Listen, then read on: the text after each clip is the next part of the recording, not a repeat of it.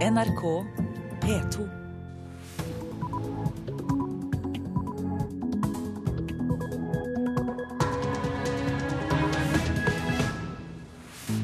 Velkommen til Nyhetsmorgen tirsdag 21. januar.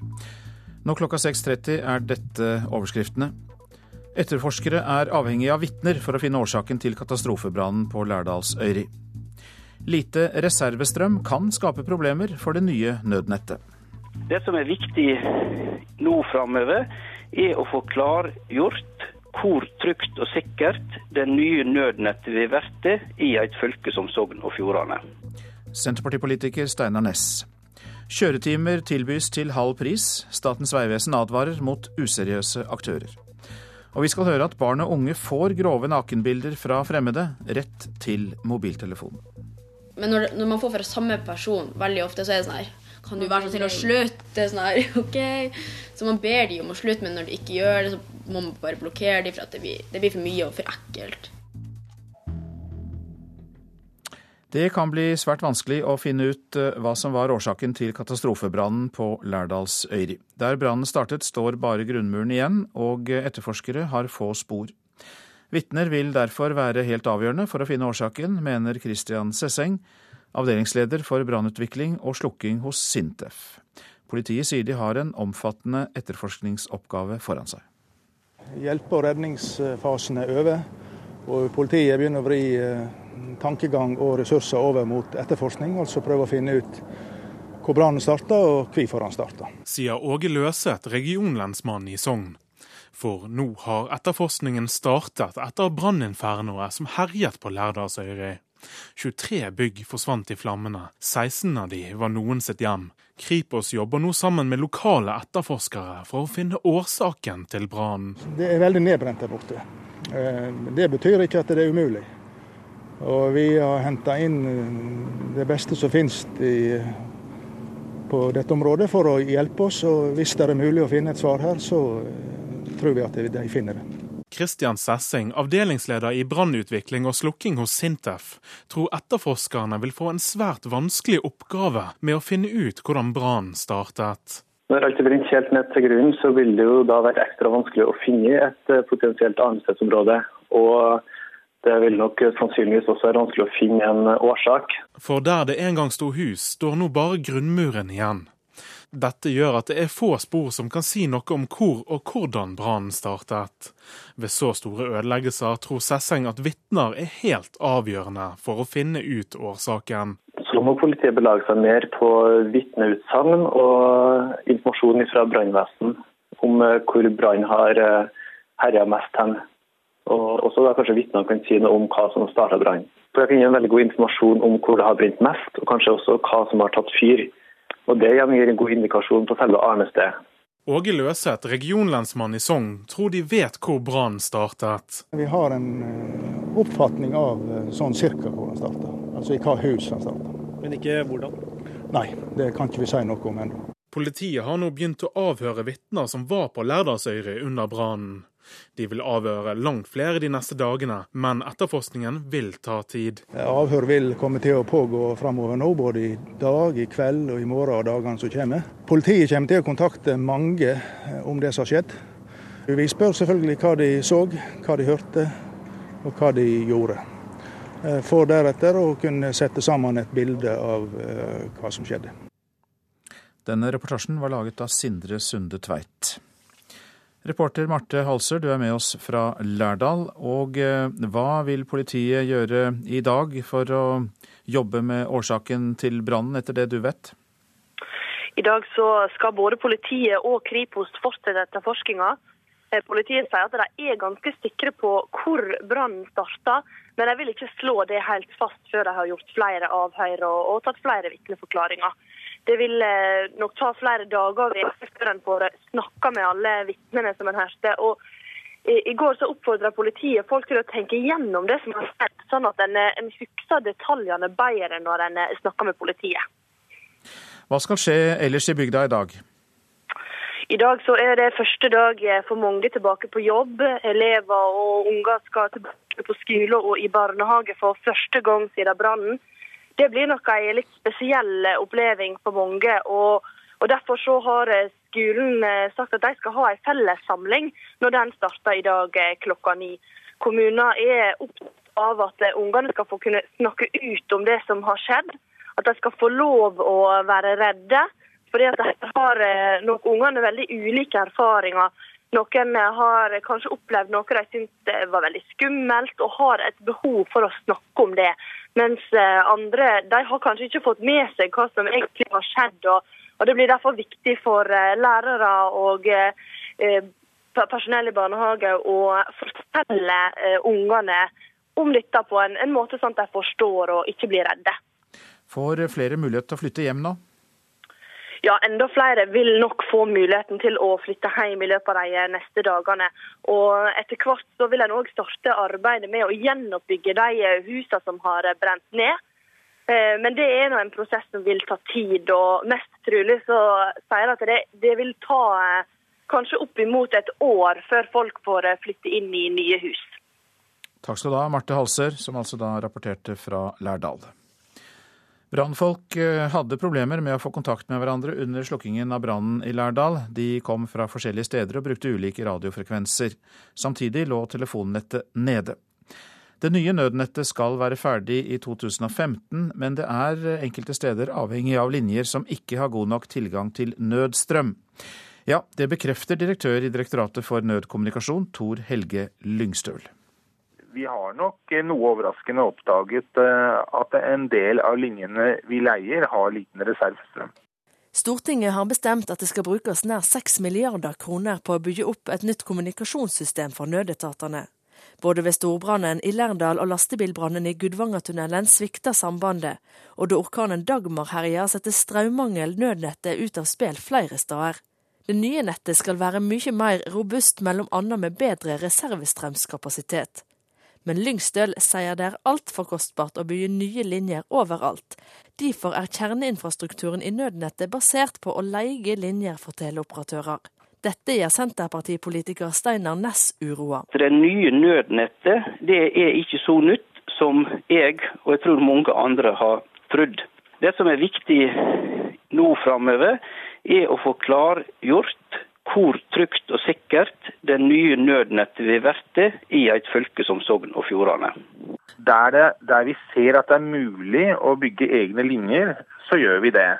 Så så går vi også inn og ser på reservestrømmen knyttet til de linjene vi leier, og ser hvilke tiltak som eventuelt kan settes inn for å gjøre de linjene mer robuste. Men jeg vil understreke at det at vi nå bygger alle våre basestasjoner med linjeframføring fra to forskjellige kanter, det er helt avgjørende for, eh, for at nettet skal ha en god overlevelsesevne. Og reporter her, det var Kjellrun Lavik. Forsikringsselskapene oppfordrer folk til å dokumentere verdier på eiendeler.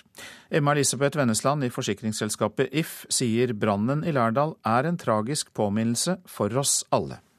Den triste brannen i Lærdal uh, har nok uh, gått inn på alle her i, Norge når vi har sett de dramatiske bildene. Og det er nok òg en kraftig påminnelse til oss alle om at brann kan skje. Uh, og at på en måte det kan være ganske vanskelig etterkant å rekonstruere hva du eide og hadde når hele huset ligger i aske. Sånn at det er en god eh, investering kan være nå at man setter seg ned og prøver å få en oversikt over eiendelene sine. Og gjerne dokumentere de, bruke video, ta foto. Sånn at hvis det skulle begynne å brenne, når man i etterkant skal rekonstruere og lage en tapsliste, så har man et godt verktøy. Vennesland forteller at det kan være svært vanskelig for forsikringsselskapene å beregne folks verdier. Hun anbefaler folk å benytte forsikringsselskapenes innbokalkulator for å avdekke verdien på gjenstandene, og ikke kun antall ting. For verdiene er høye. Vi ser jo at folk har store verdier, og, og faktisk i snitt så er norske hjem fylt med eiendeler eh, for ca. 750 50 000. Vennesland opplever at mange ikke er flinke til å føre opp verdiene sine. Personene NRK møtte på gata, hadde imidlertid listen i orden. Ja, det er vi. Vi har en detaljert overliste over alt vi har av sølv og malerier og verktøy og fotografier og Vi har lagret eh, et kopi på hytta i fall huset brenner. Så har vi det der. Så det har vi gjort. Jeg har snakket med forsikringsselskapene, og de sier at eh, veldig mange ikke er så flinke til det. Eh, hva tenker du om den uforsiktigheten der? Man tenker vel egentlig ikke over muligheten at det blir borte. Men det er jo noe som heter innbrudd, og det har vi hatt i nabohuset vårt òg. Så det har liksom gjort at vi har tenkt at dette må vi vite noe om i forhold til verdier. Og det er ikke få små verdier det dreier seg om. Nei da. Er du flink til å føre opp eh, dine verdier? Ja, det har jeg faktisk gjort. Men nå ligger de i huset, da, så det er kanskje ikke så lurt. Vi må kanskje finne et sted å legge de. Reporter Lina Gaganis. Så til avisene. I august reddet han folk fra brannen i Gudvangatunnelen. Søndag ble 19 år gamle Thomas en av heltene i Lærdal, forteller Bergens Tidende. Thomas Ekalt Stentvedt har på noen få måneder opplevd mer som brannmann enn de fleste opplever i løpet av et helt liv. Sykehuset i Lærdal, Lærdal lever fortsatt farlig, skriver Klassekampen. Det nedleggingstruede sykehuset behandlet 450 pasienter i helgen. Men statsminister Erna Solberg kunne ikke love at sykehuset får bestå, da hun besøkte Lærdal i går. Vanntåke skal redde Røros fra storbrann, skriver Adresseavisen. Brannvesenet har utstyr som kan skjære seg gjennom tømmervegger og deretter blåse inn en såkalt vanntåke, som kan slukke brannen og kjøle ned brannstedet på få sekunder. Det enkleste for Skatteklagenemnda er å være enig med skatteetaten. Det kan true rettssikkerheten. Ja, det sier Anne Sofie Tømmerås, som er medlem av Skatteklagenemnda og tidligere stortingsrepresentant for Arbeiderpartiet. Tømmerås sier at det gir mer arbeid å være uenig med skatteetaten, mens lønna for klagenemndas medlemmer uansett er den samme. Ble innkalt til PST for å snakke om sine kinesiske kontakter, skriver Nordlys. Høyre-ordføreren i Tromsø, Jens Johan Hjort, avslørte dette under en middag for næringslivstopper og politikere fra Nord-Norge. Politiets sikkerhetstjeneste ønsket å snakke med Hjort om hans gjentatte samtaler med den kinesiske ambassadøren. Svik ikke å snakke om tro, er oppslaget i Vårt Land. Det sier Espen Andreas Halse. Eh, han er leder av AKTA, Norges største kristne landsdekkende barne- og ungdomsorganisasjon. Og han mener at mange foreldre kvier seg for å snakke med barna om hva de selv tror på, og at de kunne gjort mer for å føre troen videre. Klarer ikke å levere nok villsvin, skriver Nasjonen om Rolf Flekkerud fra Ringerike. Villsvinkjøtt er mørkere og har en helt annen smak enn vanlig svinekjøtt. Dyra beveger seg mer enn vanlige griser. De eter mindre kraftfôr, men desto mer høy- og grøntfôr. Ja, det sier villsvinprodusent Flekkerud. Norges eh, idrettsforbund griper inn i saken om påstått sextrakassering i Stabekk. Det skjer etter at klubben valgte å beholde trener Øyvind Eide i går. Eide har innrømmet upassende seksuell atferd mot tidligere Stabæk-spiller Leni Larsen Kaurin, som føler at treneren presset henne ut av klubben. De som måtte føle seg trakassert, seksuelt trakassert i norsk idrett, skal kunne vite at vi prøver å ta sakene deres alvorlig. I denne konkrete saken så vil vi bare ta kontakt med Fotballforbundet og få greie på saksgangen. Sier kommunikasjonssjef Per Tøyen i Norges idrettsforbund etter at klubbstyret i Stabæk i går bestemte at kvinnelagets trener Øyvind Eide får holde fram i jobben. Vi ser jo på det overtrampet, eller det han har gjort, da, som er alvorlig, men ikke så alvorlig at det vil innebære da, en, en, oppsigelse. Sier Stabæks styreleder Espen Mo. Kaurin mener klubben fraskriver seg ansvar. Han kan bare si unnskyld, og så er det greit. Det sitter litt i. Hun får støtte av idrettsprofessor Jorunn Sundgodt Borgen, som mener at idretten sjøl nå bør granske saka grundig. NIF har klare eh, regler for hvordan slike saker skal håndteres. Eh, jeg skjønner ikke noe annet enn at siste ord i denne saken kan ikke være sagt. Og Stabæk sier fortsatt eh, at de mener avgjørelsen er riktig. Reporter Hans Henrik Løken. Dette er Nyhetsmorgen, og klokka den er snart kvart på sju. Vi har disse hovedsakene. Det kan bli svært vanskelig å finne ut hva som var årsaken til katastrofebrannen på Lærdalsøyri. Etterforskerne er avhengig av vitner for å finne årsaken. Det nye nødnettet må enkelte steder basere seg på linjer som ikke har god nok tilgang til nødstrøm. Det bekrefter Direktoratet for nødkommunikasjon. Og vi skal høre snart at barn og unge får grove nakenbilder fra fremmede rett til mobilen. Den moderne blottearenaen, mener organisasjonen Barnevakten.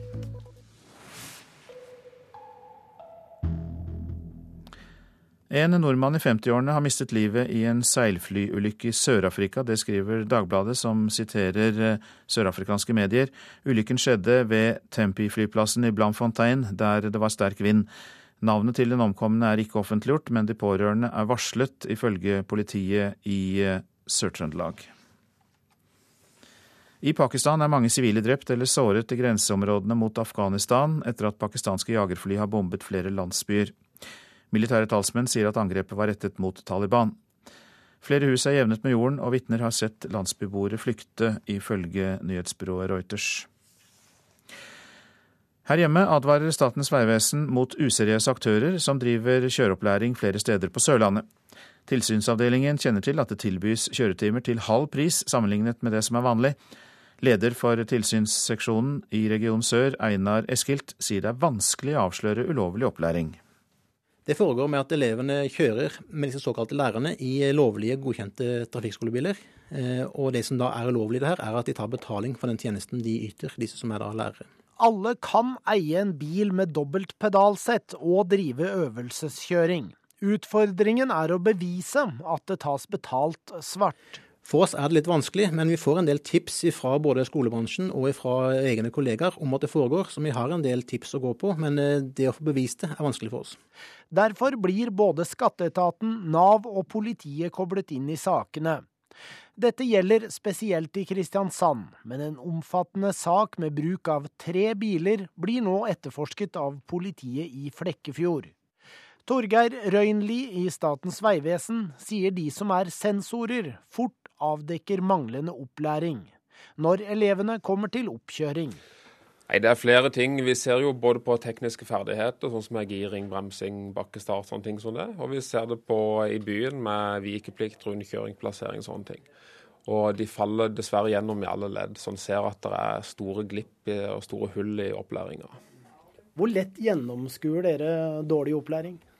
Nei, Det skjer nokså fort. I verste fall så ser vi det idet vi setter i gang ute på plassen her og ned i første påkjøring på E39. Så, så det kan dessverre gjennomskues veldig fort. De som benytter ufaglært kjøreopplæring, må til en godkjent skole for å ta den obligatoriske delen av kjøreopplæringen. Der prøver Autoriserte Trafikkskolers Landsforbund å gripe inn, sier administrerende direktør Sonja Sporstøl så er det dessverre skoler som samarbeider med disse useriøse aktørene. Og det ATL har vært eh, helt tydelig på, det er at de medlemmene ønsker vi ikke. Hun mener det er like stor fare for å tape penger som å spare på en privat opplæring. Eh, og vi har jo dessverre opplevd ganske mange tilfeller hvor man har kjøpt en pakkeløsning, hatt et par timer, og så er skolen fordufta og penga er borte og ingen å klage til.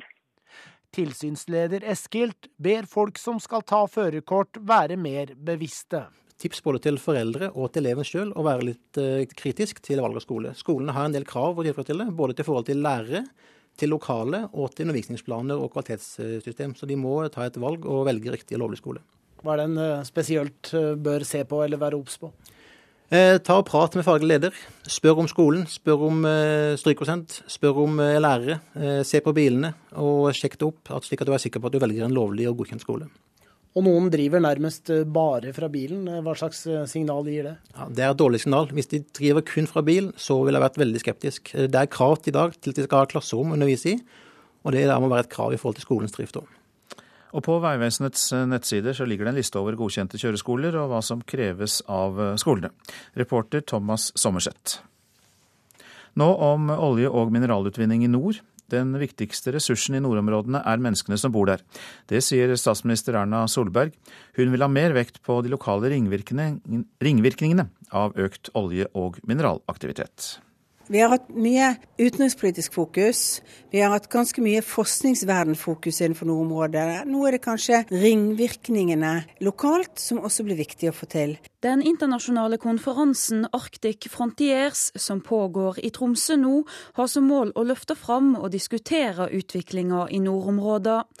Statsminister Erna Solberg vil i sin tale i dag snakke spesielt om de som bor nordpå. Vi må sørge for at eh, de som bor her, blir delaktig i en nordområdesatsing. Derfor er vi opptatt av utdanningssystem, vi er opptatt av eh, altså kompetansehevingen og forberede folk på de jobbene som kommer. Og så vet vi at eh, løfter vi kunnskapsnivået, så klarer vi også å få mange andre ringvirkninger som vi politikere ikke bestemmer over, men som faktisk kommer litt av de mulighetene folk ser selv. Er det da eh, altså, et håp å få øke folketallet, eller iallfall beholde folketallet i nordområdene i Norge? Jeg tror jo at den økonomiske utviklingen tilsier at man kan se økte folketallet her oppe fremover. Litt avhengig av hvor fort det går og hva slags aktivitet det er.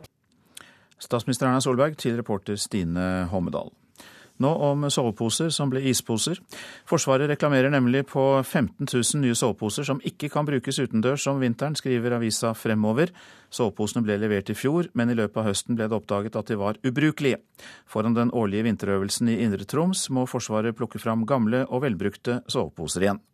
De nye soveposene kan ikke brukes fordi det dannet seg is og kondens på innsiden av yttertrekket.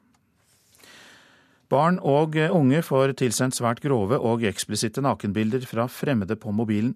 Organisasjonen Barnevakten mener sosiale medier er den nye arenaen for blottere. Bildene overlater lite til fantasien og sendes uten at ungdommene ber om det.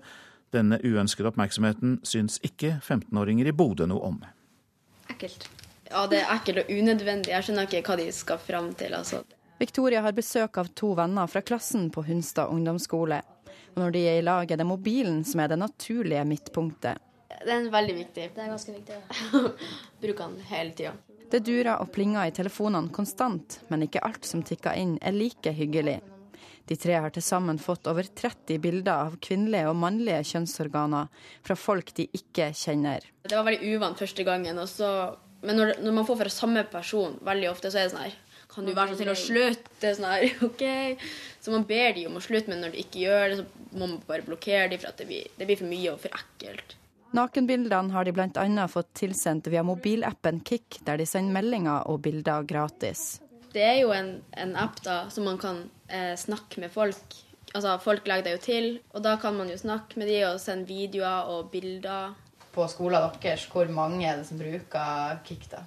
Uh, uh, Hele skolen Det er jo mange på skolen. Altså. det er kanskje 40-50% Organisasjonen Barnevakten gir foreldre råd om media, og advarer mot å la barn bruke akkurat dette programmet. Fordi at du er så tilgjengelig. Og så i utgangspunktet så anbefaler vi eh, å bruke andre bilde- og meldingstjenester enn Kik for barn.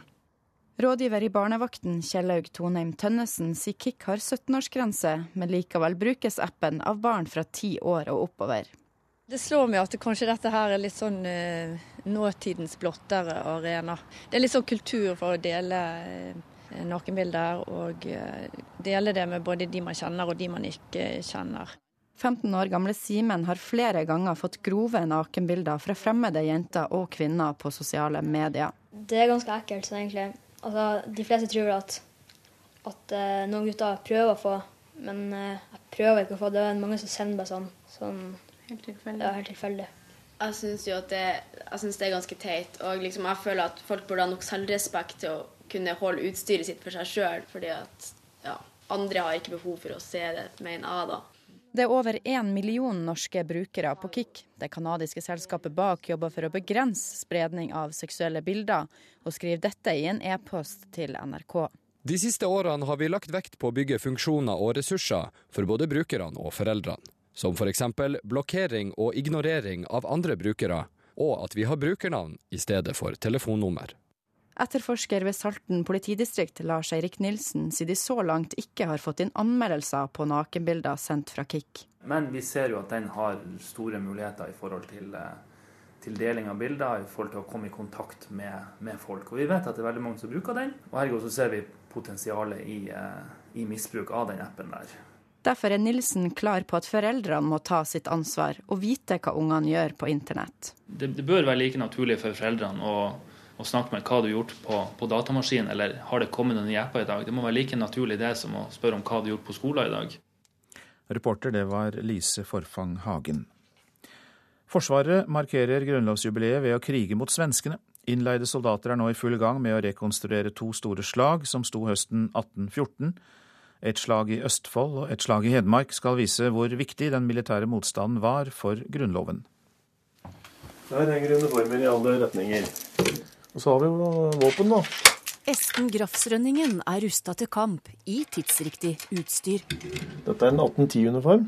Han og hundrevis av frivillige går ut på slagmarken når Forsvaret i august skal markere sin innsats for Grunnloven i 1814. Forsvarets innsats eh, både i Hedmark og i Østfold var nok med og påvirket at Karl Johan var mer forhandlingsvillig til å få til, og la oss ikke minst beholde Grunnloven, enn han ville ha vært hvis det ikke hadde vært noe motstand i hele tatt.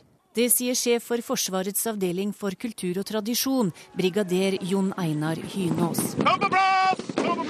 Det er Norsk napoleansk allianse, en samling militærhistoriske foreninger, som er de frivillige. Hva ligger du der for, soldat? I flere år har Esten Grafsrønningen reist Europa rundt og deltatt i historiske slag. Nå er det slaget ved Lier skanse utafor Kongsvinger og slaget ved Fredriksten festning som står for tur. Å formidle den historien for oss da, er, er, viktig, for det er mange som ikke vet om egentlig hva som foregikk den gangen. Det var de to stedene hvor eh, den svenske armeen under ledelse av eh, kronprins Karl Johan angrep Norge. Dette er fra Leipzig i uh, fjor. Grafsrønningen viser videoopptak fra rekonstruksjonen av slaget ved Leipzig. Hvor det var uh, ca. 50 norske som reiste nedover og deltok på 200-årsmarkeringen. Det blodige slaget ble sjølve opptakten til at svenska gikk til krig mot Norge i 1814. Svenskekongen ble lovt Norge som takk for hjelpa med å beseire Napoleon i slaget. Men Norge erklærte seg uavhengig og vedtok Grunnloven. Svenska svarte med å angripe. Vi slo jo ikke svenskene, men vi stoppet angrepet i Hedmark. Og vi eh, lagde såpass stor motstand i Østfold, spesielt med Fredriksten, at eh, det var åpenbart at det var ikke uten videre bare å tråkke over og diktere betingelsene for en union. I klesskapet hos Esten Grafsrønningen gjøres det nå plass for enda en uniform. Sånn er det. Vi må sy oss uniformer til riktig tid og riktig og hva du skal gjøre for noe. Og alliansens svenske brødre har vist atskillig større interesse for grunnlovsfeiringa enn svenskekongen. Eh, Alle svenskekongen eh, skal jeg ikke kommentere, men eh, svenskene som vi har kontakt med, dem vil gjerne komme. Så svenskene skal få lov til å være her og er gode venner av oss. Og, og vi slår dem, og når vi er i Sverige, så slår de oss. Så sånn er det. Reporter, det var Torunn Myhre. Så til værvarselet og fjellet i Sør-Norge først. Kuling utsatte steder i nord og vest. Skyet eller delvis skyet oppholdsvær. Østlandet og Telemark ser vi samlet. Spredt snø i Telemark, ellers skyet eller delvis skyet, stort sett opphold. Agder, på kysten blir det liten kuling. Stiv kuling vest for Oksøy. Litt snø av og til, vesentlig nær kysten. Rogaland sørøstlig stiv kuling utsatte steder, oppe i sterk kuling i sør. Litt snø av og til i sør, ellers oppholdsvær i Rogaland. Så er det Hordaland og Sogn og Fjordane. Sørøstlig liten kuling utsatte steder, stiv kuling i sør, stort sett opphold. Møre og Romsdal og Trøndelag liten kuling i nord, skyet eller delvis skyet, oppholdsvær. Nordland og Troms liten kuling utsatte steder, skyet eller delvis skyet, oppholdsvær. Og Finnmark får rolige vindforhold. Fra i ettermiddag sørlig liten kuling utsatte steder, riktignok. Litt snø i Finnmark eh, lengst øst eh, da, tidlig på dagen. Ellers delvis skyet oppholdsvær. Det blir en del tåke på vidda. Nordensjøland på Spitsbergen får stort sett oppholdsvær.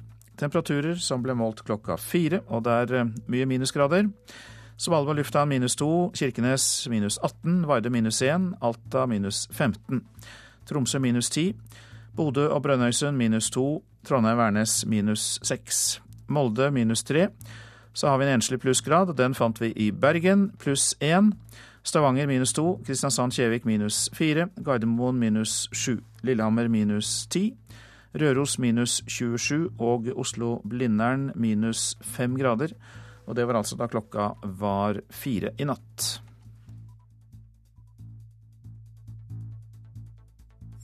NRK P2. Nyhetsmorgen fortsetter med disse sakene. Brannårsaker er utfordrende å finne i utbrente hus. Forsker forteller hva etterforskerne leter etter. Hvorfor må det offentlige betale for feil gjort ved private sykehus, spør Arbeiderpartiets Torgeir Micaelsen. Rettssaken mot Joshua French gjenopptas i dag. Og vi skal høre om fakkeltog for Einar Gelius. I Ibestad i Troms ønsker folk ham som ny sogneprest. I dag skal barna i Lærdal tilbake til skoler og barnehager igjen etter brannen. Der skal de ha felles samling og snakke om det som har skjedd. Eirik, Kaja og Aksel måtte reise fra husene sine og tingene sine lørdag kveld. Det er veldig skummelt i hvert fall. Ja, veldig skummelt. Ja, altså, sånn, de som nesten eh, har brent inne. Mm. De var midt i legginga lørdag kveld, men så kjente de ei uvant lukt. Det lukta brent. Eirik sjekka om det var ovnene på soverommet som lukta, men det var det ikke. Og så, og så tykte jeg lukta så brent over glasset mitt. Så gutta, da kom det sånn gnister forbi glasset mitt. Og så bare så jeg bort til huset litt nærme, og der, var, der, så jeg ganske masse røyk. De tok med seg noen av tingene sine og reiste fra huset. Og så er jeg redd for at, ja, at, at om, om liksom alle greide, greide seg, og om huset vårt skulle brenne ned og sånn. Mange barn i Lærdal har opplevd dramatiske ting de siste dagene. I dag skal de tilbake på skolen og i barnehagen.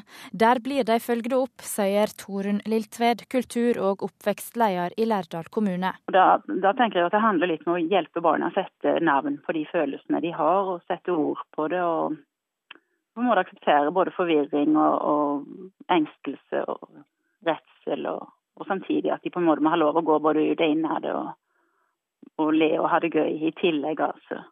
Det er viktig å snakke med barna, sier ekspert på barn og krise, Jon Håkon Schultz. Barn som er direkte berørt eller indirekte berørt av dette her, eh, vil eh, nok reagere med, med frykt. Eh, de har vært vittne, direkte vitne til brann, mange. Og andre har igjen sett svært skremmende bilder på, på fjernsyn. Eirik, Kaja og Aksel fikk flytte hjem igjen i går. Det var veldig, var veldig rart å se et glasset og ikke se hus helt der borte. Så nå kunne vi se helt bort til fjellet. Kunne se fullt av. Liksom, jeg hadde aldri trodd at dette skulle skje. Nei. Fordi at jeg liksom har aldri opplevd en brann. Jeg har bare hørt om sånne branner som har vært før. Mm. Det er for veldig lenge siden og sånt. Reportere her, det var Eirin Årdal og Ingrid Vilberg Arnesen. Det kan bli svært vanskelig å finne ut hva som var årsaken til brannen på Lærdalsøyri. Der brannen sannsynligvis startet, står bare grunnmuren igjen, og etterforskerne har få spor. Anne Steen Hansen, forskningsleder for brannutvikling og slokking ved Sintef, du er med oss fra studio i Trondheim. God morgen. God morgen. Hva er utfordringen når etterforskerne skal finne brannårsaken i helt nedbrente hus? Eh, saken er jo det at eh, brann skaper spor, men brann ødelegger jo også spor. Og vi har sett av, eh, av filmopptakene fra denne brannen at den var veldig voldsom. Det må ha vært en voldsom varme. Eh, sånn at eh, bevismateriale eller spor etter brannen er brent opp. Hvordan kan man da jobbe for å prøve å finne noe? Eh, et hoved, hovedpoeng er å få vitneutsagn. Altså om noen har sett noe eller har opplysninger om hvor brannen kan ha startet, så vet man i alle fall hvor man skal begynne å lete. Men så er det jo sånn at når det har brent så kraftig som det har, og hele huset har brent ned, så vil jo alle rester fra de ulike etasjene vil falle oppå hverandre, og vinden vil flytte på materialet. og Brannslukkingen vil også flytte på materialet, så dette er fryktelig vanskelig. Vi vet jo at brannen i Lærdal startet i et bolighus, men altså ikke årsaken. Hva er de vanligste grunnene til at eh, branner eh, starter i bolighus? Ja, Det er fordelt på ulike årsaker. og Ca. en fjerdedel av alle boligbranner starter med bar ild. Og det er fordelt på ulike eh, årsaker. Det er levende lys, det er røyking, det er påsatte branner, piper og ildsteder og en del andre. Og så har vi også elektriske årsaker, som er fordelt på ca. 20% elektrisk feil. Det kan være feil i elektriske anlegg eller feil i elektriske apparater. Eh, og det er også 20 feil bruk av elektrisk utstyr. Den verstingen der er jo eh, tørrkoking eller branner som starter på komfyren. Mm. Men slik det da ser ut på dette brannstedet, så kan mye tyde på at eh, de tingene du nevner er vanskelig å påvise? Ja, eh, spor etter eh, bar ild vil sannsynligvis ha, ha brent opp. Man kan være heldig å finne, finne deler av elektrisk anlegg kan, hvor man kan påvise spor etter f.eks. kortslutning, men jeg tror det blir fryktelig vanskelig. Du jobber jo med dette, så til slutt et godt råd til oss alle. Hvordan skal vi unngå at eh, slikt skjer, Anne Steen Hansen? Eh, det viktigste er å passe på at det ikke oppstår brann. Pass på alle levende lys. Eh, sørg for at det elektriske anlegget er i orden. Få tilsyn av elektriker. Det tror jeg er det beste rådene jeg kan gi. Takk skal du ha. Du er forskningsleder for brannutvikling og slokking ved Sintef. Arbeiderpartiet reagerer på det at det offentlige helsevesenet kan bli nødt til å betale for feil gjort av private aktører. Stortingsrepresentant Torgeir Micaelsen foreslår at private klinikker får et større økonomisk ansvar. Statssekretær i Helsedepartementet Lisbeth Nordmann forklarer dagens situasjon. I utgangspunktet er det jo sånn at også private som yter helsetjenester, har jo en plikt til seg til å behandle pasienten ferdig. Hvis det er sånn at eh, det ikke skjer, så har det offentlig plikt til å ta imot alle pasienter, uavhengig av hvor de kommer fra, og tilby dem den helsehjelpen de har behov for og krav på. Det kan være tilfeller der en privat klinikk f.eks. ikke har utstyr eller kompetansen som må til for å hjelpe en pasient, som trenger oppfølging etter en feil behandling, en infeksjon eller lignende. Da har det offentlige helsevesenet i Norge en plikt til å hjelpe, og de må ta regninga. Det stiller Torgeir Micaelsen spørsmål ved. Spørsmålet er om det er et rimelig forhold rundt den økonomiske risikoen. Private eiere som tjener penger på pasientbehandling, eh, og offentlige eh, felleskassa som finansierer oppfølgingen og behandlingen av folk som får skader eh, ved private kommersielle klinikker. Det er Nasjonalt kunnskapssenter for helsetjenesten som tar imot meldinger om uønska hendelser på sykehusene. NRK har fått vite at under 10% av meldingene i dag kommer fra det private. Men Michaelsen frykter en økning ved økt bruk av private helsetjenester. Eh, den nye regjeringen, Høyre-Frp-regjeringen har jo varslet uh, til dels kraftig økt bruk av private uh, gjennom sin såkalte uh, behandlingsreform, eller fritt behandlingsvalg, som de kaller det. Og Derfor er det grunn til å tro at omfanget av dette vil øke de nærmeste årene. Og Da er det grunn til å ha et klarere regelverk enn vi har i dag. Micaelsen har etterspurt en oversikt over uønska hendelser i det private helsevesenet, og han ber regjeringa vurdere om regninga bør fordeles annerledes. Og så synes jeg det er rimelig at vi får en konkret vurdering fra helseministerens side om det er rimelig at også private kommersielle klinikker får et økonomisk ansvar overfor felleskassa, som finansierer alle de offentlige sykehusene i Norge ved feil skader og komplikasjoner. Det har de ikke i dag. Nå har vi bedt Helsedirektoratet om å gi oss en oversikt over skader og komplikasjoner fra det private. Og så vil jo vi se når vi får de tallene eh, og den oversikten, om det er grunn til å gjøre noe særskilt med det. Til slutt er statssekretær i Helsedepartementet Lisbeth Nordmann til reporter Eva Marie Bulai. Ja, fagdirektør ved Universitetssykehuset i Stavanger, Sverre Ulving, du er med oss fra studio der. God morgen. God morgen. Ja, Er det slik at pasienter kommer til dere fordi det private ikke selv eh, følger opp? Ja, vi har eksempler på, på at pasienter kommer fra private og, og, til behandling hos oss. Og det er jo også sånn som Lisbeth Nordmann sier, at eh, det offentlige helsevesen de tar imot alle pasienter som har bruk for tjenester fra spesialisthelsetjenesten, uansett hvor de kommer fra. Sånn skal det være. Hvilke eksempler har du på dette?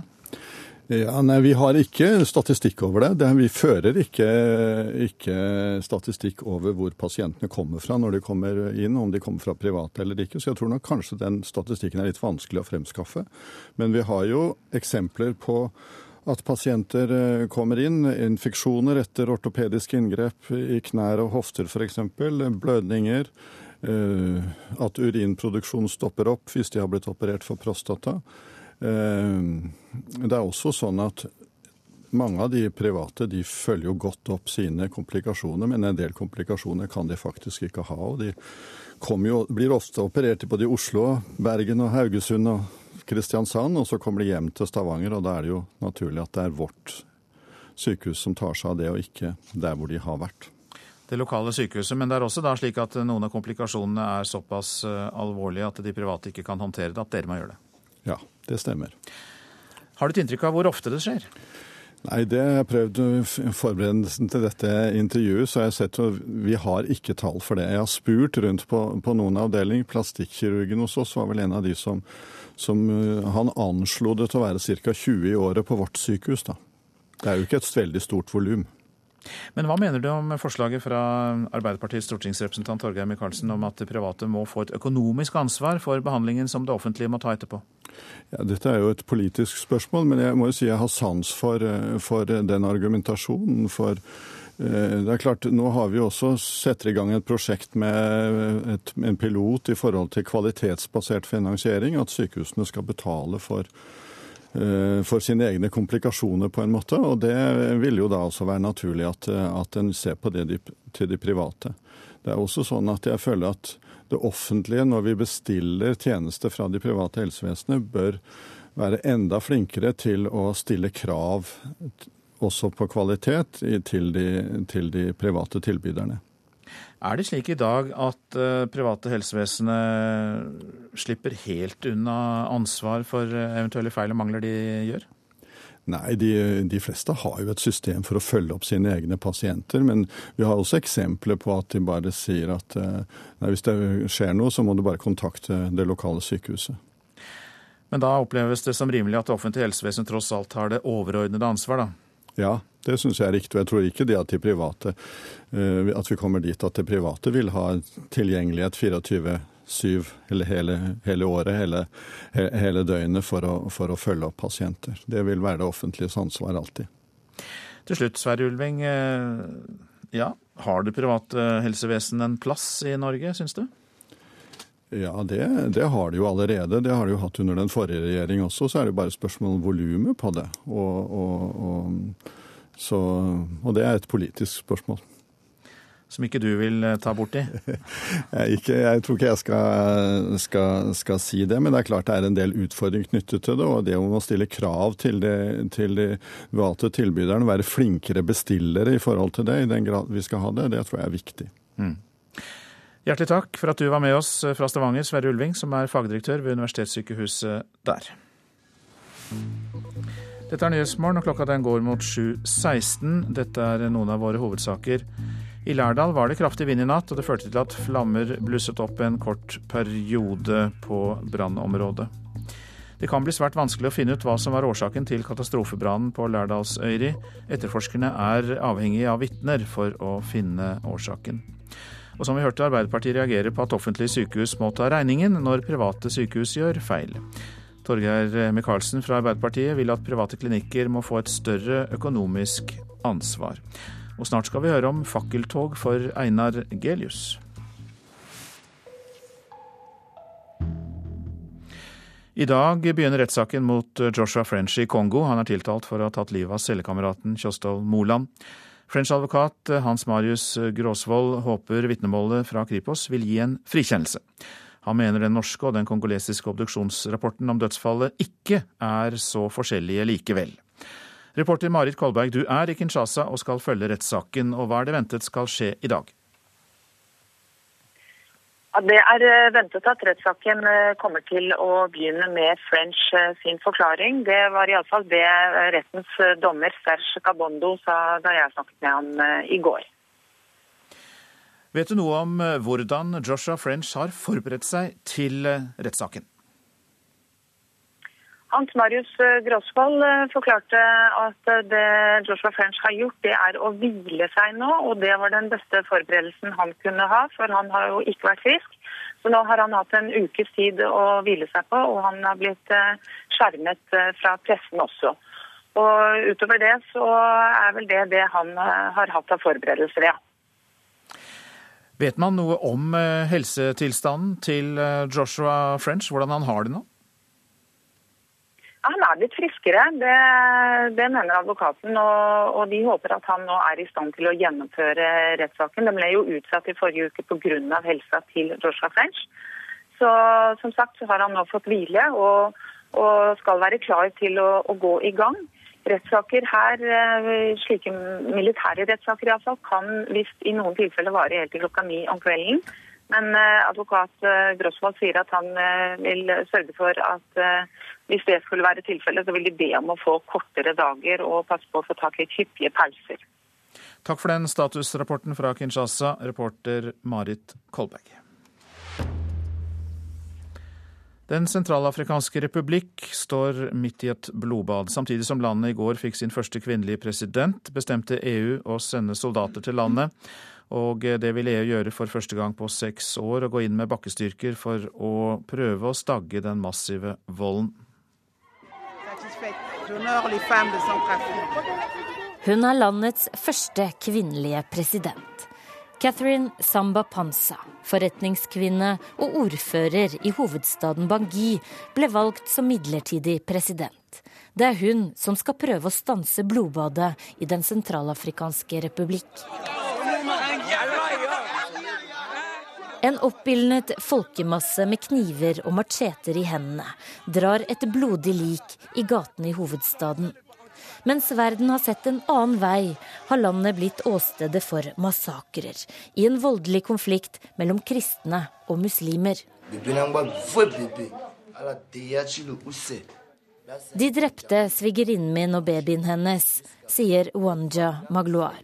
Som hevn forteller Magloar til BBC at han drepte en muslim, dynket ham i bensin, tente på og spiste opp det ene benet hans.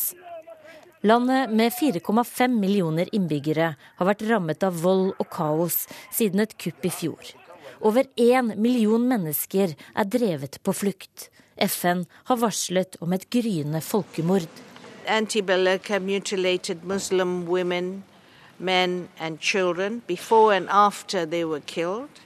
Den kristne opprørsbevegelsen Antibalaka lemlestet menn, kvinner og barn før eller etter at de ble drept, forteller Navi Pillai, FNs høykommissær for menneskerettigheter. Et vitne forteller at den muslimske eks-Seleka-militsen kuttet av armene og skar over halsen på en ung kristen. Amnesty anslår at over 1000 er drept i Bangui bare de siste ukene. Frankrike har 1600 soldater på plass, sammen med styrker fra Den afrikanske union. I går vedtok EU å sende opp til 1000 soldater fra en EU-styrke. Hvilke land som bidrar er fortsatt ikke klart. Håpet er at de første soldatene kan være på plass i slutten av februar. Reporter var Hege Moe Eriksen. Generalsekretær i Amnesty, John Peder eh, Egenes. Eh, vi hørte her om eh, grusomme overgrep begått både av kristne og muslimer i Den sentralafrikanske republikk. Dere har folk i landet, og hva slags rapporter får dere? Ja, De siste rapportene vi får, er at på den ene siden så har denne eh, muslimske militsen, eh, eks-Seleka kalles de, eh, de mister makt. Etter at eh, de franske og og de, afrikanske styrkene kom inn, så har de eh, tonet ned. De, de, forlater en del områder de hadde kontroll over osv. Og, så og vi ser at særlig i hovedstaden så begynner dagliglivet å nærme seg det mer normale. Eh, de internt fordrevne bor fortsatt i flyktningleirer, men de går tilbake til hjemstedene sine på dagen og åpner butikker og, og slike ting.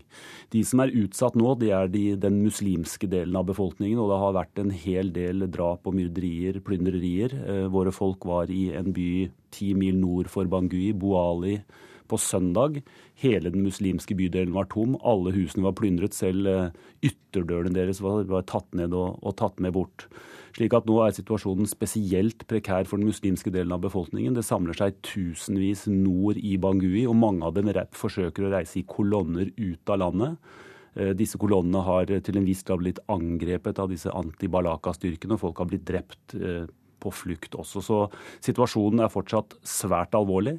Det er fortsatt sterkt behov for internasjonale styrker for å forsøke å beskytte sivilbefolkning, men det er altså særlig den muslimske delen av befolkningen som er utsatt akkurat nå. Den nye presidenten, Katrin Samba Panza, har oppfordret begge sider da, til å legge ned våpnene. Hva tror du hun kan få til? Nei, Dette er en kvinne som uh, ifølge rapportene har en del, uh, har ganske sterk tillit i, i, begge befolkningsgrupper. Hun har uh, kan jeg si det sånn, sagt de riktige tingene. Hun ble jo valgt først i går, så hun har jo ikke hatt lang tid å, til å virke. Men hun var veldig tydelig på at begge sider måtte legge ned våpenet, men, men, var faktisk spesielt, som vi syns er riktig, opptatt av at disse anti-Balaka-styrkene skulle gjøre det. Hun er jo selv da fra den kristne gruppen, men, men hun sa likevel at det er særlig da anti-Balaka som nå må, må stanse volden. Eh, sånn at hun har i hvert fall sagt alle de riktige tingene. Hun hadde som ordfører i Bangui tillit i begge grupper, så det er et visst håp i det. Men det er selvfølgelig ikke noen garanti for at volden stanser. Den sentralafrikanske republikk er jo ikke mye omtalt. Jeg tror ikke det er mange som vet så mye detaljert om landet. Og eh, mediene har jo omtalt eh, mye hyppigere Sør-Sudan og Syria, konfliktene der. Hva kan mangelen på interesse internasjonalt ha hatt å si for denne konflikten, tror du? Nei, du, du, begynte kanskje på den rette måten. Altså, dette er et land som ikke bare ikke blir rapportert så mye om i den konflikten som nå pågår, men det er jo et land ikke så mange har vært opptatt av, ikke så mange har kunnskap om, vi i Norge ikke har så mange kontakter med.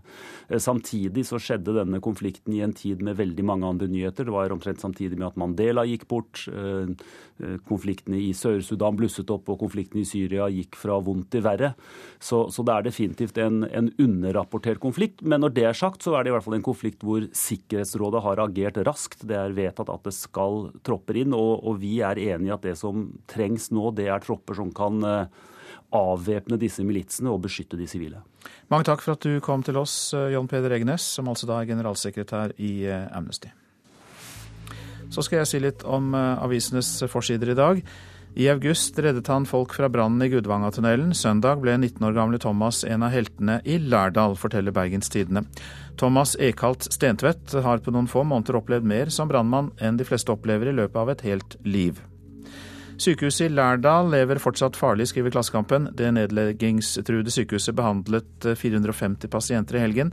Men statsminister Erna Solberg kunne ikke love at sykehuset får bestå, da hun besøkte Lærdal i går. Vanntåke skal redde Røros fra storbrann, skriver Adresseavisen. Brannvesenet har utstyr som kan skjære seg gjennom tømmervegger, og deretter blåse inn såkalt vanntåke som slukker brannen og kjøler ned brannstedet på få sekunder ble innkalt til PST for å snakke om sine kinesiske kontakter, skriver Nordlys.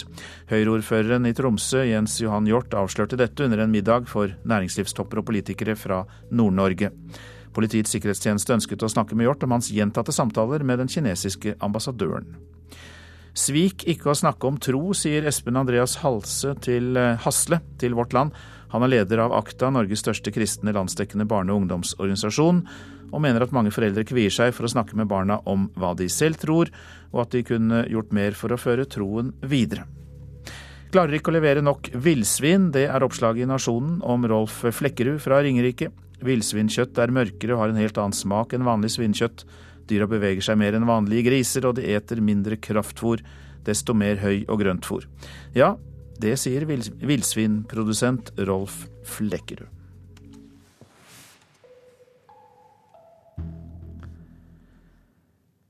I eh, om lag hver fjerde brann i Norge er det ikke røykvarsler i bygningen, eller en røykvarsler som eh, ikke fungerer. Det viser tall fra Direktoratet for samfunnssikkerhet og beredskap.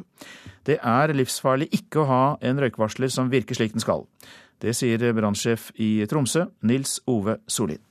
Hvis man ikke blir vekt og ikke får muligheten til å komme seg ut, så kan eh, det medføre døden i en brann. I om lag hver fjerde brann virka ikke røykvarsleren, eller det var ikke røykvarsler i bygget i det hele tatt. Det viser de ferskeste tallene på landsbasis, som er fra 2012. Tallene fra Troms fylke er tilsvarende. At eh, så mange ikke har, eller så mange ikke fungerer, er dessverre ikke overraskende. Det sier informasjonsdirektør i forsikringsselskapet If, Jon Berge. Folk bør skifte røykvarslerne sine oftere enn det det blir gjort i dag, eh, og de bør kontrolleres oftere. Ikke minst har teknologien blitt bedre enn det var før, sånn at en kan da varsle om en brann eller røykutvikling mye tidligere enn det de varslerne kunne for, for mange år siden. Hva kan gjøres for at dette skal bli bedre? Vi må jobbe hardt, alle sammen som jobber med brannvern. Både brannvesenene, forsikringsselskap og, og flere, egentlig. Og få ut budskapet om hvor viktig det er å ha en røykvarsler som virker. Og reportere var Stine Hammedal og Petter Strøm. Jeg er helt satt ut over det store engasjementet for å få meg som prest på Ivestad i Troms. Ja, det sier Einar Gelius, som er eneste søker til jobben som sogneprest der. I går gikk 400 personer i fakkeltog for å støtte Gelius. Ja, det er jo bare helt uvirkelig. Altså, det, er som å, det er som å oppleve en film. ikke sant? Du tror ikke det nesten at det er sant. Ja, Vi hører nå ropes det altså Gelius eh, her, og um, det er et voldsomt engasjement for å få, få presten De ropte Gelius i kor på direktesendt TV i går kveld, da 400 mennesker gikk i fakkeltog for å få nettopp Einar Gelius som prest på Ibestad. I kommunen med 1400 innbyggere har det blitt samla inn 839 underskrifter til støtte for kjendispresten. Hovedpersonen sjøl er satt ut av alt engasjementet. Altså, Jeg har jo bare søkt en, en jobb, ikke sant. og og at det da skulle bli et sånt enormt engasjement, det var, jeg hadde overhodet ingen anelse om at det skulle ta sånn av. altså. Hva gjør dette engasjementet med din eh, motivasjon og lyst til å komme opp her og ta den jobben, hvis du får den? Altså, Det gjør meg jo bare enda mer lyst til å komme. Når jeg vet at, uh, at det er en slik velkomst, og at folket er så rause og, og, åpne og så varme. Det, altså det, det er jo bare en ønskedrøm for en prest å få en slik velkomst. Ja, det sa Einar Gelius til reporter Stine Hommedal. Vi tar med at i Frankrike har oppslutningen om president Francois Hollande økt etter at hans utroskapsaffære med skuespiller Gilly Gaillet ble kjent. Ifølge en meningsmåling økte oppslutningen om Hollande fra 27 til 31 etter pressekonferansen i forrige uke, der han eh, ønsket å fokusere mest på fransk økonomi. Men oppslutningen er fortsatt rekordlav for en fransk president. Du lytter til Nyhetsmorgen. Økonomisk blåmandag i Brasil. Utenlandske selskaper trekker seg ut av landet. Mer i reportasjen etter Dagsnytt. I Politisk kvarter er norsk produktivitet og det kommende lønnsoppgjøret tema for samtalen med finansminister Siv Jensen. Prosent for Nyhetsmorgen er Vidar Eidhammer. Her i studio Øystein Heggen. Vi gjør oss klar for Dagsnytt.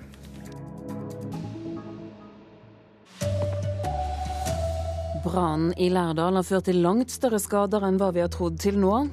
I dag gjøres et nytt forsøk på å starte rettssaken mot Joshua French i Kongo.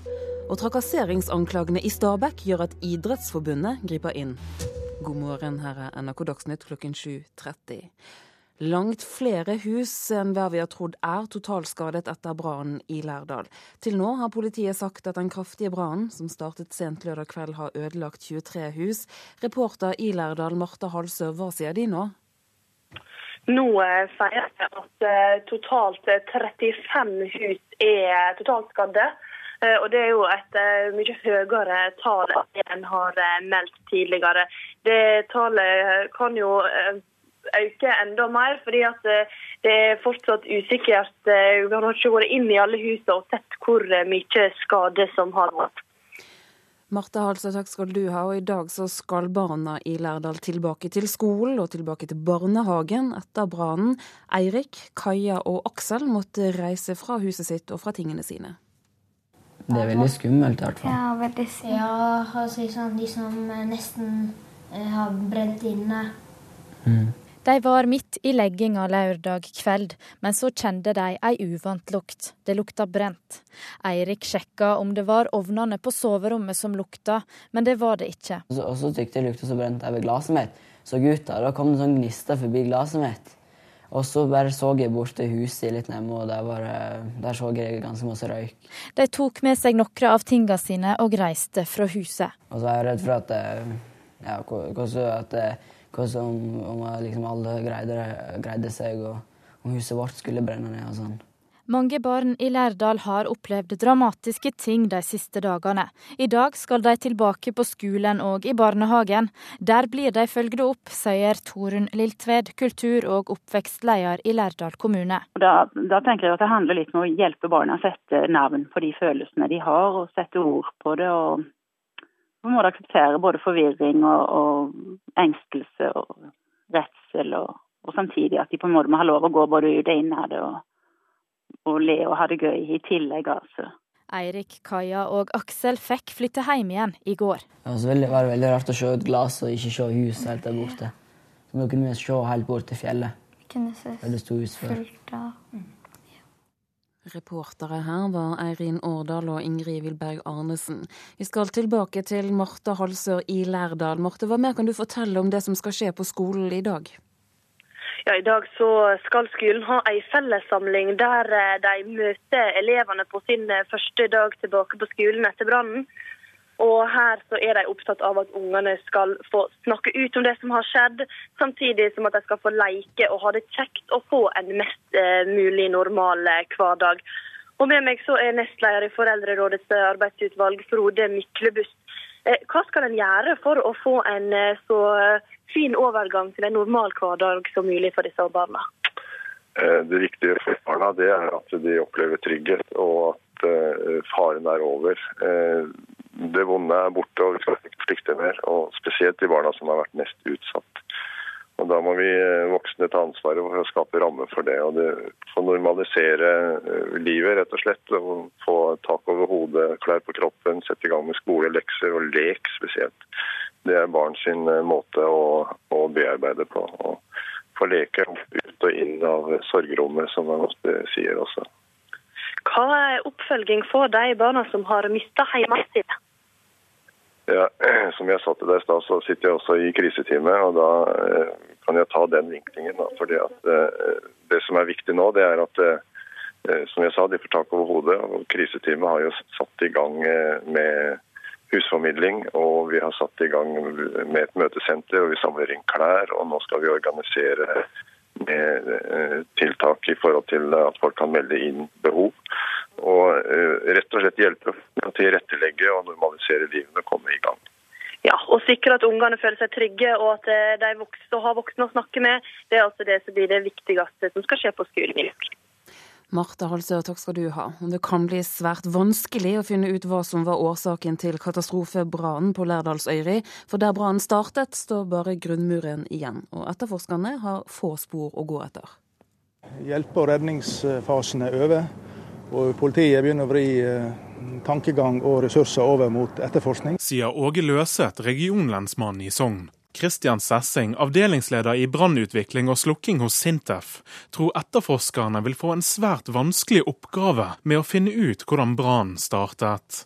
Når alt er brent helt ned til grunnen, så vil det jo da være ekstra vanskelig å finne et eh, potensielt anvendelsesområde. Og det vil nok sannsynligvis også være vanskelig å finne en årsak. For der det en gang sto hus, står nå bare grunnmuren igjen. Dette gjør at det er få spor som kan si noe om hvor og hvordan brannen startet. Så må politiet belage seg mer på vitneutsagn og informasjon fra brannvesen om eh, hvor brann har eh, herja mest hen. Reporter Sindre Sunde Tveit. I dag begynner rettssaken mot Joshua French i Kongo. Han er tiltalt for å ha tatt livet av cellekameraten Kjostolf Moland. French advokat Hans Marius Grosvold håper vitnemålet fra Kripos vil gi en frikjennelse. Rettssaken har blitt utsatt pga. French helsetilstand, men nå er han i bedre form. Det sier vår reporter Marit Kolberg, som skal følge saken i Kongo. Han er blitt friskere, det, det mener advokaten. Og, og, de håper at han nå er i stand til å gjennomføre rettssaken. Den ble jo utsatt i forrige uke pga. helsa til Joshua French. Så har han nå fått hvile og, og skal være klar til å, å gå i gang. Rettssaker her, eh, slike militære rettssaker iallfall, kan hvis i noen tilfeller vare helt til klokka ni om kvelden. Men eh, advokat eh, Grosvold sier at han vil sørge for at hvis det skulle være tilfellet, så vil de be om å få kortere dager og passe på å få tak i hyppige pauser. Dersom en pasient blir alvorlig syk etter en operasjon ved et privat sykehus, så har det offentlige sykehuset plikt til å hjelpe pasienten og dermed dekke utgiftene. Det bekymrer Arbeiderpartiets helsepolitiske talsmann Torgeir Micaelsen. Den nye regjeringen, Høyre-Frp-regjeringen har jo varslet uh, til dels kraftig økt bruk av private uh, gjennom sin såkalte uh, behandlingsreform, eller fritt behandlingsvalg, som de kaller det. Og Derfor er det grunn til å tro at omfanget av dette vil øke de nærmeste årene. Og Da er det grunn til å ha et klarere regelverk enn vi har i dag. Det er Nasjonalt kunnskapssenter for helsetjenesten som tar imot meldinger om uønska hendelser på sykehusene. NRK har fått vite at under 10 av meldingene i dag kommer fra det private. Men Michaelsen frykter en økning ved økt bruk av private helsetjenester. Det som er Spørsmålet her er om det skal være et økonomisk oppgjør også mellom de som eier private klinikker og tjener penger på pasientbehandling, eh, og felleskassa som må ta ansvaret når det går galt ved de private klinikkene? I utgangspunktet er det jo sånn at også private som yter helsetjenester, har jo en plikt til seg til å behandle pasienten ferdig. Hvis det er sånn at det ikke skjer, så har det offentlig plikt til å ta imot alle pasienter, uavhengig av hvor de kommer fra. Det sier statssekretær i Helsedepartementet Lisbeth Nordmann. Hun vil ikke forskuttere noe annen fordeling av regninga der eh, private sykehus og klinikker blir pålagt et økonomisk ansvar hvis deres feil må rettes opp. Men hun lover å se på saken. Nå har vi bedt Helsedirektoratet om å gi oss en oversikt over skader og komplikasjoner fra det private. Og så vil jo vi se når vi får de tallene eh, og den oversikten, om det er grunn til å gjøre noe særskilt med det. Reporter var Eva Marie Bulai. Norges idrettsforbund griper inn i saken om påstått sextrakassering i Stabæk. I går vedtok klubben å beholde trener Øyvind Eide. Han har innrømmet upassende seksuell atferd mot tidligere Stabæk-spiller Leni Larsen Kaurin, som føler at tre treneren presset henne ut av klubben. De som måtte føle seg trakassert, seksuelt trakassert i norsk idrett, skal kunne vite at vi prøver å ta sakene deres alvorlig. I denne konkrete saken så vil vi bare ta kontakt med Fotballforbundet og få greie på saksgangen. Sier kommunikasjonssjef Per Tøyen i Norges idrettsforbund etter at klubbstyret i Stabæk i går bestemte at kvinnelagets trener Øyvind Eide får holde fram i jobben. Vi ser jo på det overtrampet, eller det han har gjort, da, som er alvorlig, men ikke så alvorlig at det vil innebære da, en, en, oppsigelse. Sier Stabæks styreleder Espen Mo. Kaurin mener klubben fraskriver seg ansvar. Han kan bare si unnskyld, og så er det greit. Det sitter litt i. Hun får støtte av idrettsprofessor Jorunn Sundgodt Borgen, som mener at idretten sjøl nå bør granske saka grundig. NIF har klare eh, regler for hvordan slike saker skal håndteres. Eh, jeg skjønner ikke noe annet enn at siste ord i denne saken kan ikke være sagt. Men Stabæk mener fortsatt at avgjørelsen var riktig, reporter Hans Henrik Løken. Ansvarlig for Dagsnytt-sendingen det er Elin Pettersen. Hanne Lunås har det tekniske ansvaret. Her i studio, Turi Grønbekk.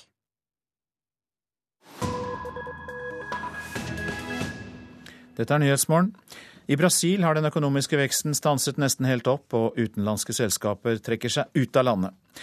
Byråkrati, korrupsjon og en voldsomt voldsom økning i priser og lønninger er eh, noe av årsakene. Arnt Stefansen rapporterer fra Rio de Janeiro.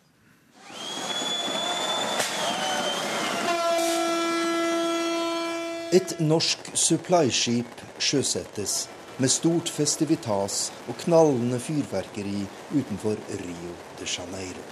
Det har vært mange slike festligheter det siste tiåret, for det norske olje- og shippingmiljøet har engasjert seg tungt i det som er blitt kalt det brasilianske oljeeventyret. Men alle eventyr har en slutt, og de siste par årene har Brasil opplevd en økonomisk blåmandag. Veksten er stanset nesten helt opp, og landets rikeste mann, Eike Batista, gikk for et par måneder siden konkurs etter å ha bygget opp et gigantisk imperium basert på forventningene til de store oljefunnene på Brasils sokkel. Batista er et symbol på at mye har gått galt her i Brasil, sier veteranen Hans Ellingsen. Optimismen er alltid for stor. De går ut med svære overskrifter uten at de egentlig har grunnlag til det. Når det gjelder ikke Batista, så var saken den at han baserte hele dette imperiet sitt på en olje som han trodde han hadde funnet. Men når de skulle begynne å produsere dette, her, så viste det at det var ikke olje. Sist sommer ble Brasil rustet av demonstrasjoner og opptøyer. Demonstrantene krevde bedre helsetjenester og utdanning, og en slutt på korrupsjon og maktmisbruk. Aksjonene fikk stor internasjonal oppmerksomhet, særlig fordi Brasil er blitt sett på som et land i sterk fremgang. Men selv om fattigdommen er redusert, er det fortsatt store problemer. Og det er ekstremt vanskelig å drive forretning i Brasil, sier Hans Ellingsen, som nå leder det norske selskapet Olympic Shipping her i Rio. Det er mye vanskeligere å drive i Brasil enn hvilken som helst annet sted i verden. Det er de enorme oljefunnene utenfor kysten av Brasil som i første rekke har fått mer enn 100 norske selskaper til å etablere seg her i landet.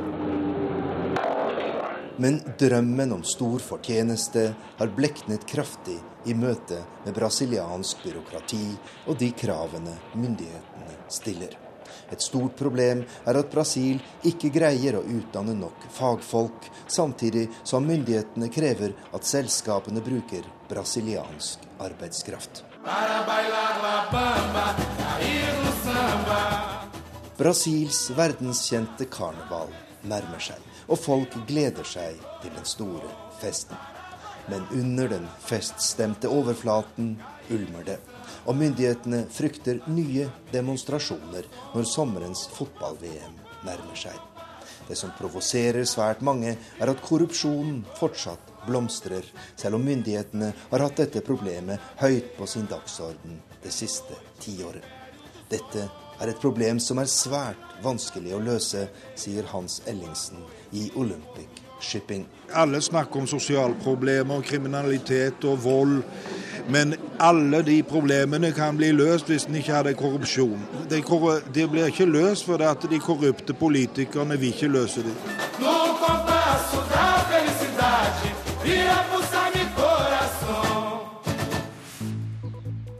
Dette er Nyhetsmorgen, og dette er eh, tre av våre hovedsaker. Brannen i Lærdal førte til større skader enn tidligere antatt. Politiet sier at det totalt er 35 hus som er totalskadd, ikke 23, slik anslaget var fram til nå. I dag gjøres nytt forsøk på å starte rettssaken mot Joshua French i Kongo. French advokat Hans Marius Gråsvold håper vitnemålet fra Kripos vil gi en frikjennelse. Norges idrettsforbund griper inn i saken om påstått sextrakassering i Stabekk. I går valgte klubben å beholde trener Øyvind Eide, som har innrømmet upassende seksual atferd mot en tidligere Stabæk-spiller. Og Da er det klart for Politisk kvarter, og det skal handle om det som allerede er blitt døpt Siv Jensens milliardkommisjon, Alf Artke? Ja, døpt og døpt. Noen har, noen har, begynt å kalle den det. For finansministeren oppnevner da en egen kommisjon som skal gjøre Norge mer effektivt. Og Siv Jensen kommer til Politisk kvarter. Og så spør vi om de private sykehusene skal eh, være forpliktet til å rette opp sine egne feil, eller skal det offentlige ha ansvar for å rydde opp?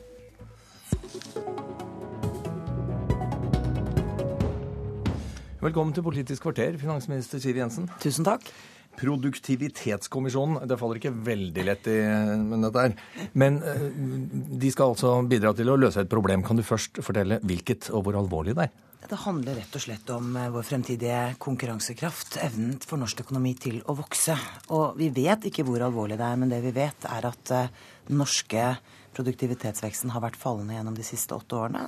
Og vi vet at det bare er tre land i OECD-området som har svakere vekst i produktiviteten enn Norge. Det er Island, Irland og Hellas. Jeg vet ikke om det er et godt selskap å være i. Det høres jo ganske alvorlig ut, ja. Egentlig. Jo, men det handler også om uh, hvordan vi på lang sikt kan uh, styrke muligheten for, for, bedre velferd rett og slett i Norge. Og ta et eksempel fra Danmark, for de har jo gjennomført en slik uh, undersøkelse av sin mm. egen produktivitet. De fant ut at hvis de klarte å være like produktive som svenskene, så kunne de hvert eneste år bygge ni nye supersykehus eller gi innbyggerne sine gratis kollektivtrafikk. Sånn at det er store beløp vi snakker om. Men er de reelle? Ja, det var altså, blir, dette, blir, dette, litt sånn tallsjonglering, eller, eller, ser du for deg helt reelle, tydelige effektivitetsgevinster av dette her? Ja, for meg handler dette om et overordnet mål, nemlig å sørge for at vi forvalter skattebetalernes penger på en smartest mulig måte. Det er altså du og jeg og resten av innbyggerne i dette landet som betaler for velferden vår. Og da mener jeg at vi skylder dem å bruke pengene deres på en ordentlig måte. Og hvis det betyr at vi kan omstille, altså fornye, forbedre og forenkle offentlig sektor, gi bedre tjenester med, med, med et lavere nivå på offentlig sektor, så er det bra for skattebetalerne, og det er bra for velferden i Norge. Men denne kommisjonen, den skal jo ikke drive politikk, skal den det?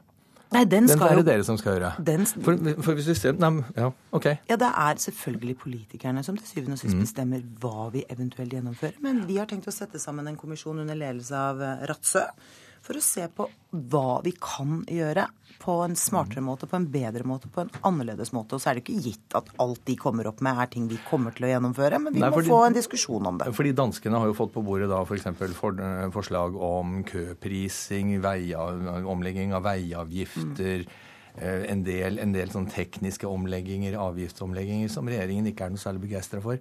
Du kan jo få mye på bordet her som ikke er Frp-politikk. Ja, definitivt. Jeg har hatt gleden av å møte lederen for den danske produktivitetskommisjonen, professor Birk Sørensen, som var veldig ærlig på det. Mm. At mye av det de la frem, burde være enkelt for politikerne å gjennomføre. Mens de også lanserte tiltak som de egentlig visste var eh, politisk eh, vanskelig å gjennomføre. Men det jeg ønsker å ha, er jo en diskusjon åpent ute i det norske samfunn om hvilke utfordringer vi har, og hvilke muligheter vi har gjennom å gjøre ting på en annen måte. Hvordan trekker dette inn i andre sfærer? Altså, det er mange andre porteføljer enn den som finansministeren sitter med, som blir berørt her. Altså, altså, det... Kommunestruktur, tekniske forskrifter Dette, dette det rammer jo hele regjeringen. Eller rammer. Det angår, i hvert fall. Ja, altså, jeg syns rammer er et veldig ja, galt ord. Jeg tok det tilbake og sier ja, det angår. Det er bra, fordi det dette handler om, er hvordan vi bruker dine skattepenger hver eneste dag. Og jeg antar at det er i din interesse at ikke vi bruker mer penger eh, som du tjener enn eh, nødvendig. Det betyr at vi kan gi lavere skattetrykk for vanlige folk, for bedriftene, og det er viktig. Det er jo sånn at OECD har lansert, eh, rangert mm. skatteartene etter hvor skadelige de er for vekstevnen i økonomien. Og de mener at selskapsskatt og personskatt er de to mest skadelige skattene. Det var de to vi eh, satte ned i inneværende års statsbudsjett, rett og slett fordi det er bra for vekstevnen i norsk økonomi. Du skrev for litt siden i et avisinnlegg at det stadig økende gapet mellom reallønnsvekst og avdempet produktivitetsvekst i Norge er en utvikling som ikke er bærekraftig over tid. Mm. Dette er da den ene biten du tar tak i nå. Hva med den andre? Jo, så Det er mange ting vi tar tak i. Det ja, Men vi... altså produktivitetsproblematikken. Mm. Eh, hva med reallønn, den, den, stadige økningen i reallønn som du setter opp som det, det, andre problemet som gjør at dette ikke er bærekraftig? Nei, det er jo disse tingene sammen som er mm. utfordringen. Det er det som avgjør om vi har god eller dårlig produktivitet. Det er bra at vi har gode lønninger i Norge, og det har ikke denne regjeringen tenkt å gjøre noe som helst med. For det er et gode for innbyggerne at vi tjener godt. Da må vi samtidig sørge for at vi klarer å produsere varene våre på en mest mulig konkurransedyktig måte. Det dette handler om, for å si det enkelt, er om våre bedrifter og arbeidsplasser overlever i konkurransen med våre naboland. Men hvis dette må... tas ut, hvis, hvis dette tas ut uh, i, altså denne produktivitetsgevinsten tas ut i form av økt reallønn, er vi ikke da like langt? Har vi ikke i tillegg moderate lønnsoppgjør til? Det er jo, jo, men nå er det først og fremst partene i arbeidslivet som har ansvaret for å sørge for at vi har eh, gode og forsvarlige lønnsoppgjør fremover. Jo, men vi har, vi har, erfaring for at det gjennomgående er gode og ansvarlige lønnsoppgjør. Og jeg legger til grunn at det vil være det også uh, i år og tiden fremover. Men det at vi har høy lønn, er som sagt ikke hovedproblemet. Det er bedriftenes evne til å konkurrere på lang sikt som er problemet. Og da må vi sørge for mm. at vi bruker midler over de offentlige budsjettene på en ordentlig måte. Og så er jo spørsmålet er svaret på det en størst mulig offentlig sektor eller en best mulig offentlig sektor. Denne regjeringen snur nå alle steiner for å se på om vi kan løse oppgavene billigere, bedre og smartere enn tidligere. Rett og slett fordi vi skylder skattebetalerne å gjøre den jobben. Men lønnsoppgjøret i fjor, det vil jo mene, mange mene, var relativt moderat. Likevel så var det 1,6 prosentpoeng eller noe sånt eh, over, eh, over snittet i OECD. Er det, ikke, er det ikke sånn at vi, må rett og slett både effektivisere, og så må vi ned med lønnsøkningene? Vi må ha moderate oppgjør for å, for å rette opp denne kurven som peker eh, en litt for slak oppoverbakke. Altså, det er helt riktig at timelønnskostnadene i Norge er betydelig høyere enn konkurrentland. Vi ligger, mm. vel, eh, altså, vi ligger betydelig høyere. Men denne regjeringen har ingen ambisjoner om å senke folks eh, reallønn.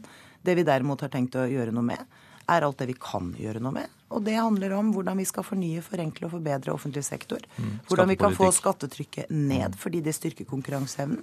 Hvordan vi kan Eh, gjøre reformer, f.eks. en kommunereform som gjør at vi bruker ressursene våre bedre og smartere. Det er veldig mange ting vi kan gjøre. Er det en, er kommunereformen er det en produktivitetsreform, som du ser det? Ja, Det gjenstår å se.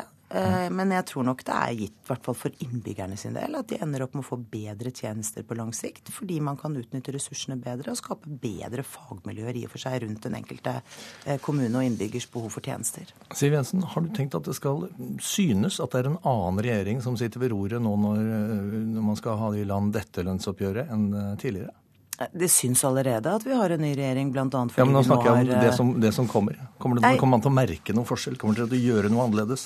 Denne regjeringen er like tydelig som tidligere regjeringer på at det er partene i arbeidslivet som har ansvar for lønnsoppgjøret. Og det å, å, å tro at vi kommer til å blande oss inn i det på en uh, ufin måte, nei, det kommer ikke til å skje.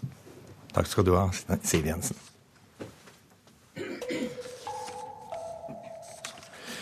Som vi har hørt i nyhetene, frykter Arbeiderpartiet at økende privatisering kan belaste det offentlige helsevesenet. Det offentlige helsevesenet kan rett og slett bli nødt til å betale for flere feil begått av private aktører.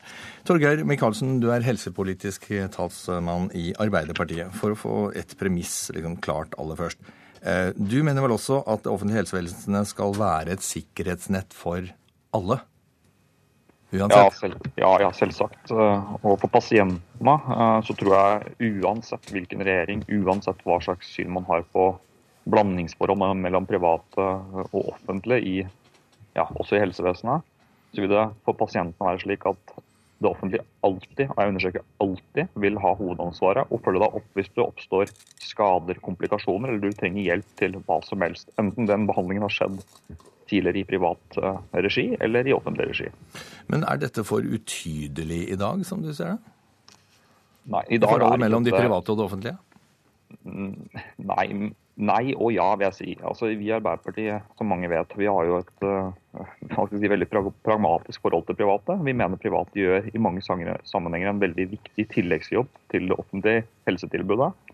Men i dag så er det slik at hvis du uh, behandles ved en privat, kommersiell klinikk, som jo har som formål å hjelpe folk, men også å tjene penger, så har de som eier og driver den klinikken, ikke noe økonomisk ansvar overfor felleskassa, det offentlige, mm. dersom det oppstår skader eller komplikasjoner som, eh, som det offentlige må måtte ordne opp i for eh, ja, klinikken og for pasienten i etterkant. Og jeg spør meg bare, når Høyre og Frp nå planlegger å utvide den kommersielle delen i Norge, fordi de har flere måte, helsereformer som tyder på det, om det er riktig nå på en gjennomgang om lovverket rundt dette er godt nok ivaretatt, eh, slik at den økonomiske risikoen også fordeles mer forholdsmessig mellom de private og offentlig sektor.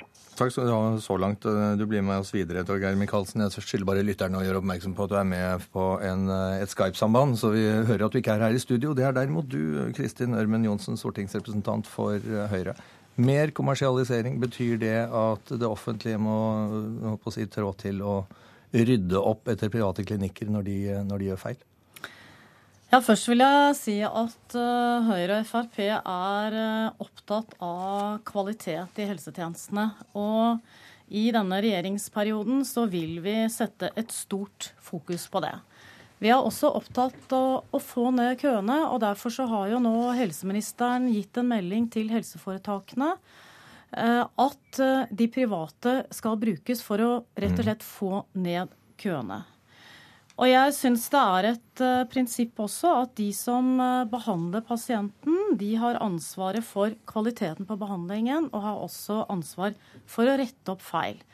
Så hvis du har blitt operert på et privat sykehus i kneet, og man ikke er fornøyd etter operasjonen, eller det er en komplikasjon i kneet, så må pasienten da gå tilbake til det private sykehuset kan, og få rette opp feilen. Tror du pasienter vil uh, føle seg litt urolige da?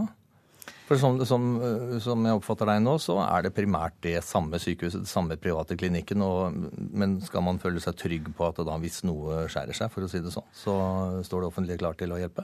Vi har vel alle vært i behandling, enten det er hos fastlege eller andre steder. Og dersom det er også noe man lurer på og usikker, så går man først tilbake til den som har utført operasjonen etter behandling. Jo, jo, det er greit. Men, men, så, trenger man, men så trenger man da mer hjelp. Ja, er det da, da, riktig at det offentlige skal trå til hvis det er de private sykehusene som har gjort feil? Dersom de private sykehusene ser at dette er umulig og vanskelig for de å rette opp, så er det klart at det offentlige da må gå inn. De har større ressurser, kanskje større kapasitet. Og det er vel også slik da at uh, kanskje ikke akkurat den kneskaden, hvis vi holder oss til det, men hvis det oppstår komplikasjoner som ja, nyreproblemer, hjerte eller slag eller den type ting, så er det da det offentlige som er bærebjelken i helsevesenet i Norge. Det skal det være. Der skal det foregå forskning, undervisning. Men det private skal også brukes på enkelte områder. Og vi ønsker som sagt også å få til kvalitetsindikatorer, for i dag så vet vi kanskje for lite eh, ja, hva som skjer med, eh, etter operasjonen. Ja, la oss holde oss til det med ansvar eh, akkurat nå. Eh, Torgeir Micaelsen, er du beroliget? Ja, altså, Både ja og nei. Det er bra at det er fokus på kvalitet. Det er jeg helt enig i. Jeg er heller ikke imot å ta i bruk mer eh, private dersom det er hensiktsmessig. Men jeg syns kanskje Høyre eh, også bør tenke gjennom eh, om regelverket er utforma bra nok hvis man i større skala i dag skal også slippe til kommersielle aktører som, som gir veldig god hjelp som sagt, i mange sammenhenger til mange, men de har jo også som mål å tjene penger. Eh, og Jeg vet ikke om noen andre som selger tjenestene sine til offentlig sektor, og som ikke på noe tidspunkt, hvis det går skikkelig galt, da, står økonomisk også ansvarlig eh, overfor den som er oppdragsgiver. Og når jeg først ble kjent med saken, altså denne problemstillingen da, som kom i Stavanger Aftenblad før jul, så, så sier jo han som ble behandlet der, han uh, sier jo det rett ut at når han da, som driver privat virksomhet, uh, så må du ofte da ta reklamasjonene selv og legge inn risikoen på feil når du setter prislapp på det du leverer. Og I dag så er det uklart i hvert fall, om private kommersielle klinikker gjør det når de leverer uh, prisene sine og anbudene. og Det synes jeg Høyre, som nå har ansvaret for helsepolitikken i Norge, bør undersøke. Og om nødvendig fremme forslag om å endre lovverket. Tiden går her, Ørmen Johnsen. Men er, bør, bør dere gjøre det? Få et tydelig lovverk på dette her? om... Jeg mener vel at regelverket foreløpig er klart nok. Det helseministeren har gjort, er å be Helsedirektoratet skaffe seg eh, oversikt over omfanget av feil og mangler. For det er jo kanskje det som er det viktige. Og så har, han også gitt et utvalg som skal se på dette med pasientrettigheter, som Høyre og Frp vil styrke, i oppdrag også å vurdere noe av dette. Men det jeg har lyst til å understreke, det er at Ansvaret for kvalitet er først og fremst den som opererer eller behandler pasienten, og det er de også som må rette opp det. Dersom det er store komplikasjoner, så er det det store offentlige sykehuset som også har finansiering, som må ta inn det. Heldigvis så er det meget sjelden i Norge. Takk skal du ha, Kristin Ørmen Johnsen, stortingsrepresentant for Høyre. Takk også til Torgeir Micaelsen, helsepolitisk statsmann for Arbeiderpartiet. Det var det vi rakk i eh, Politisk kvarter i dag. Nå fortsetter Nyhetsmorgen med Kulturnytt etter en eh, kort nyhetsoppdatering. Jeg heter Alf Hartgen.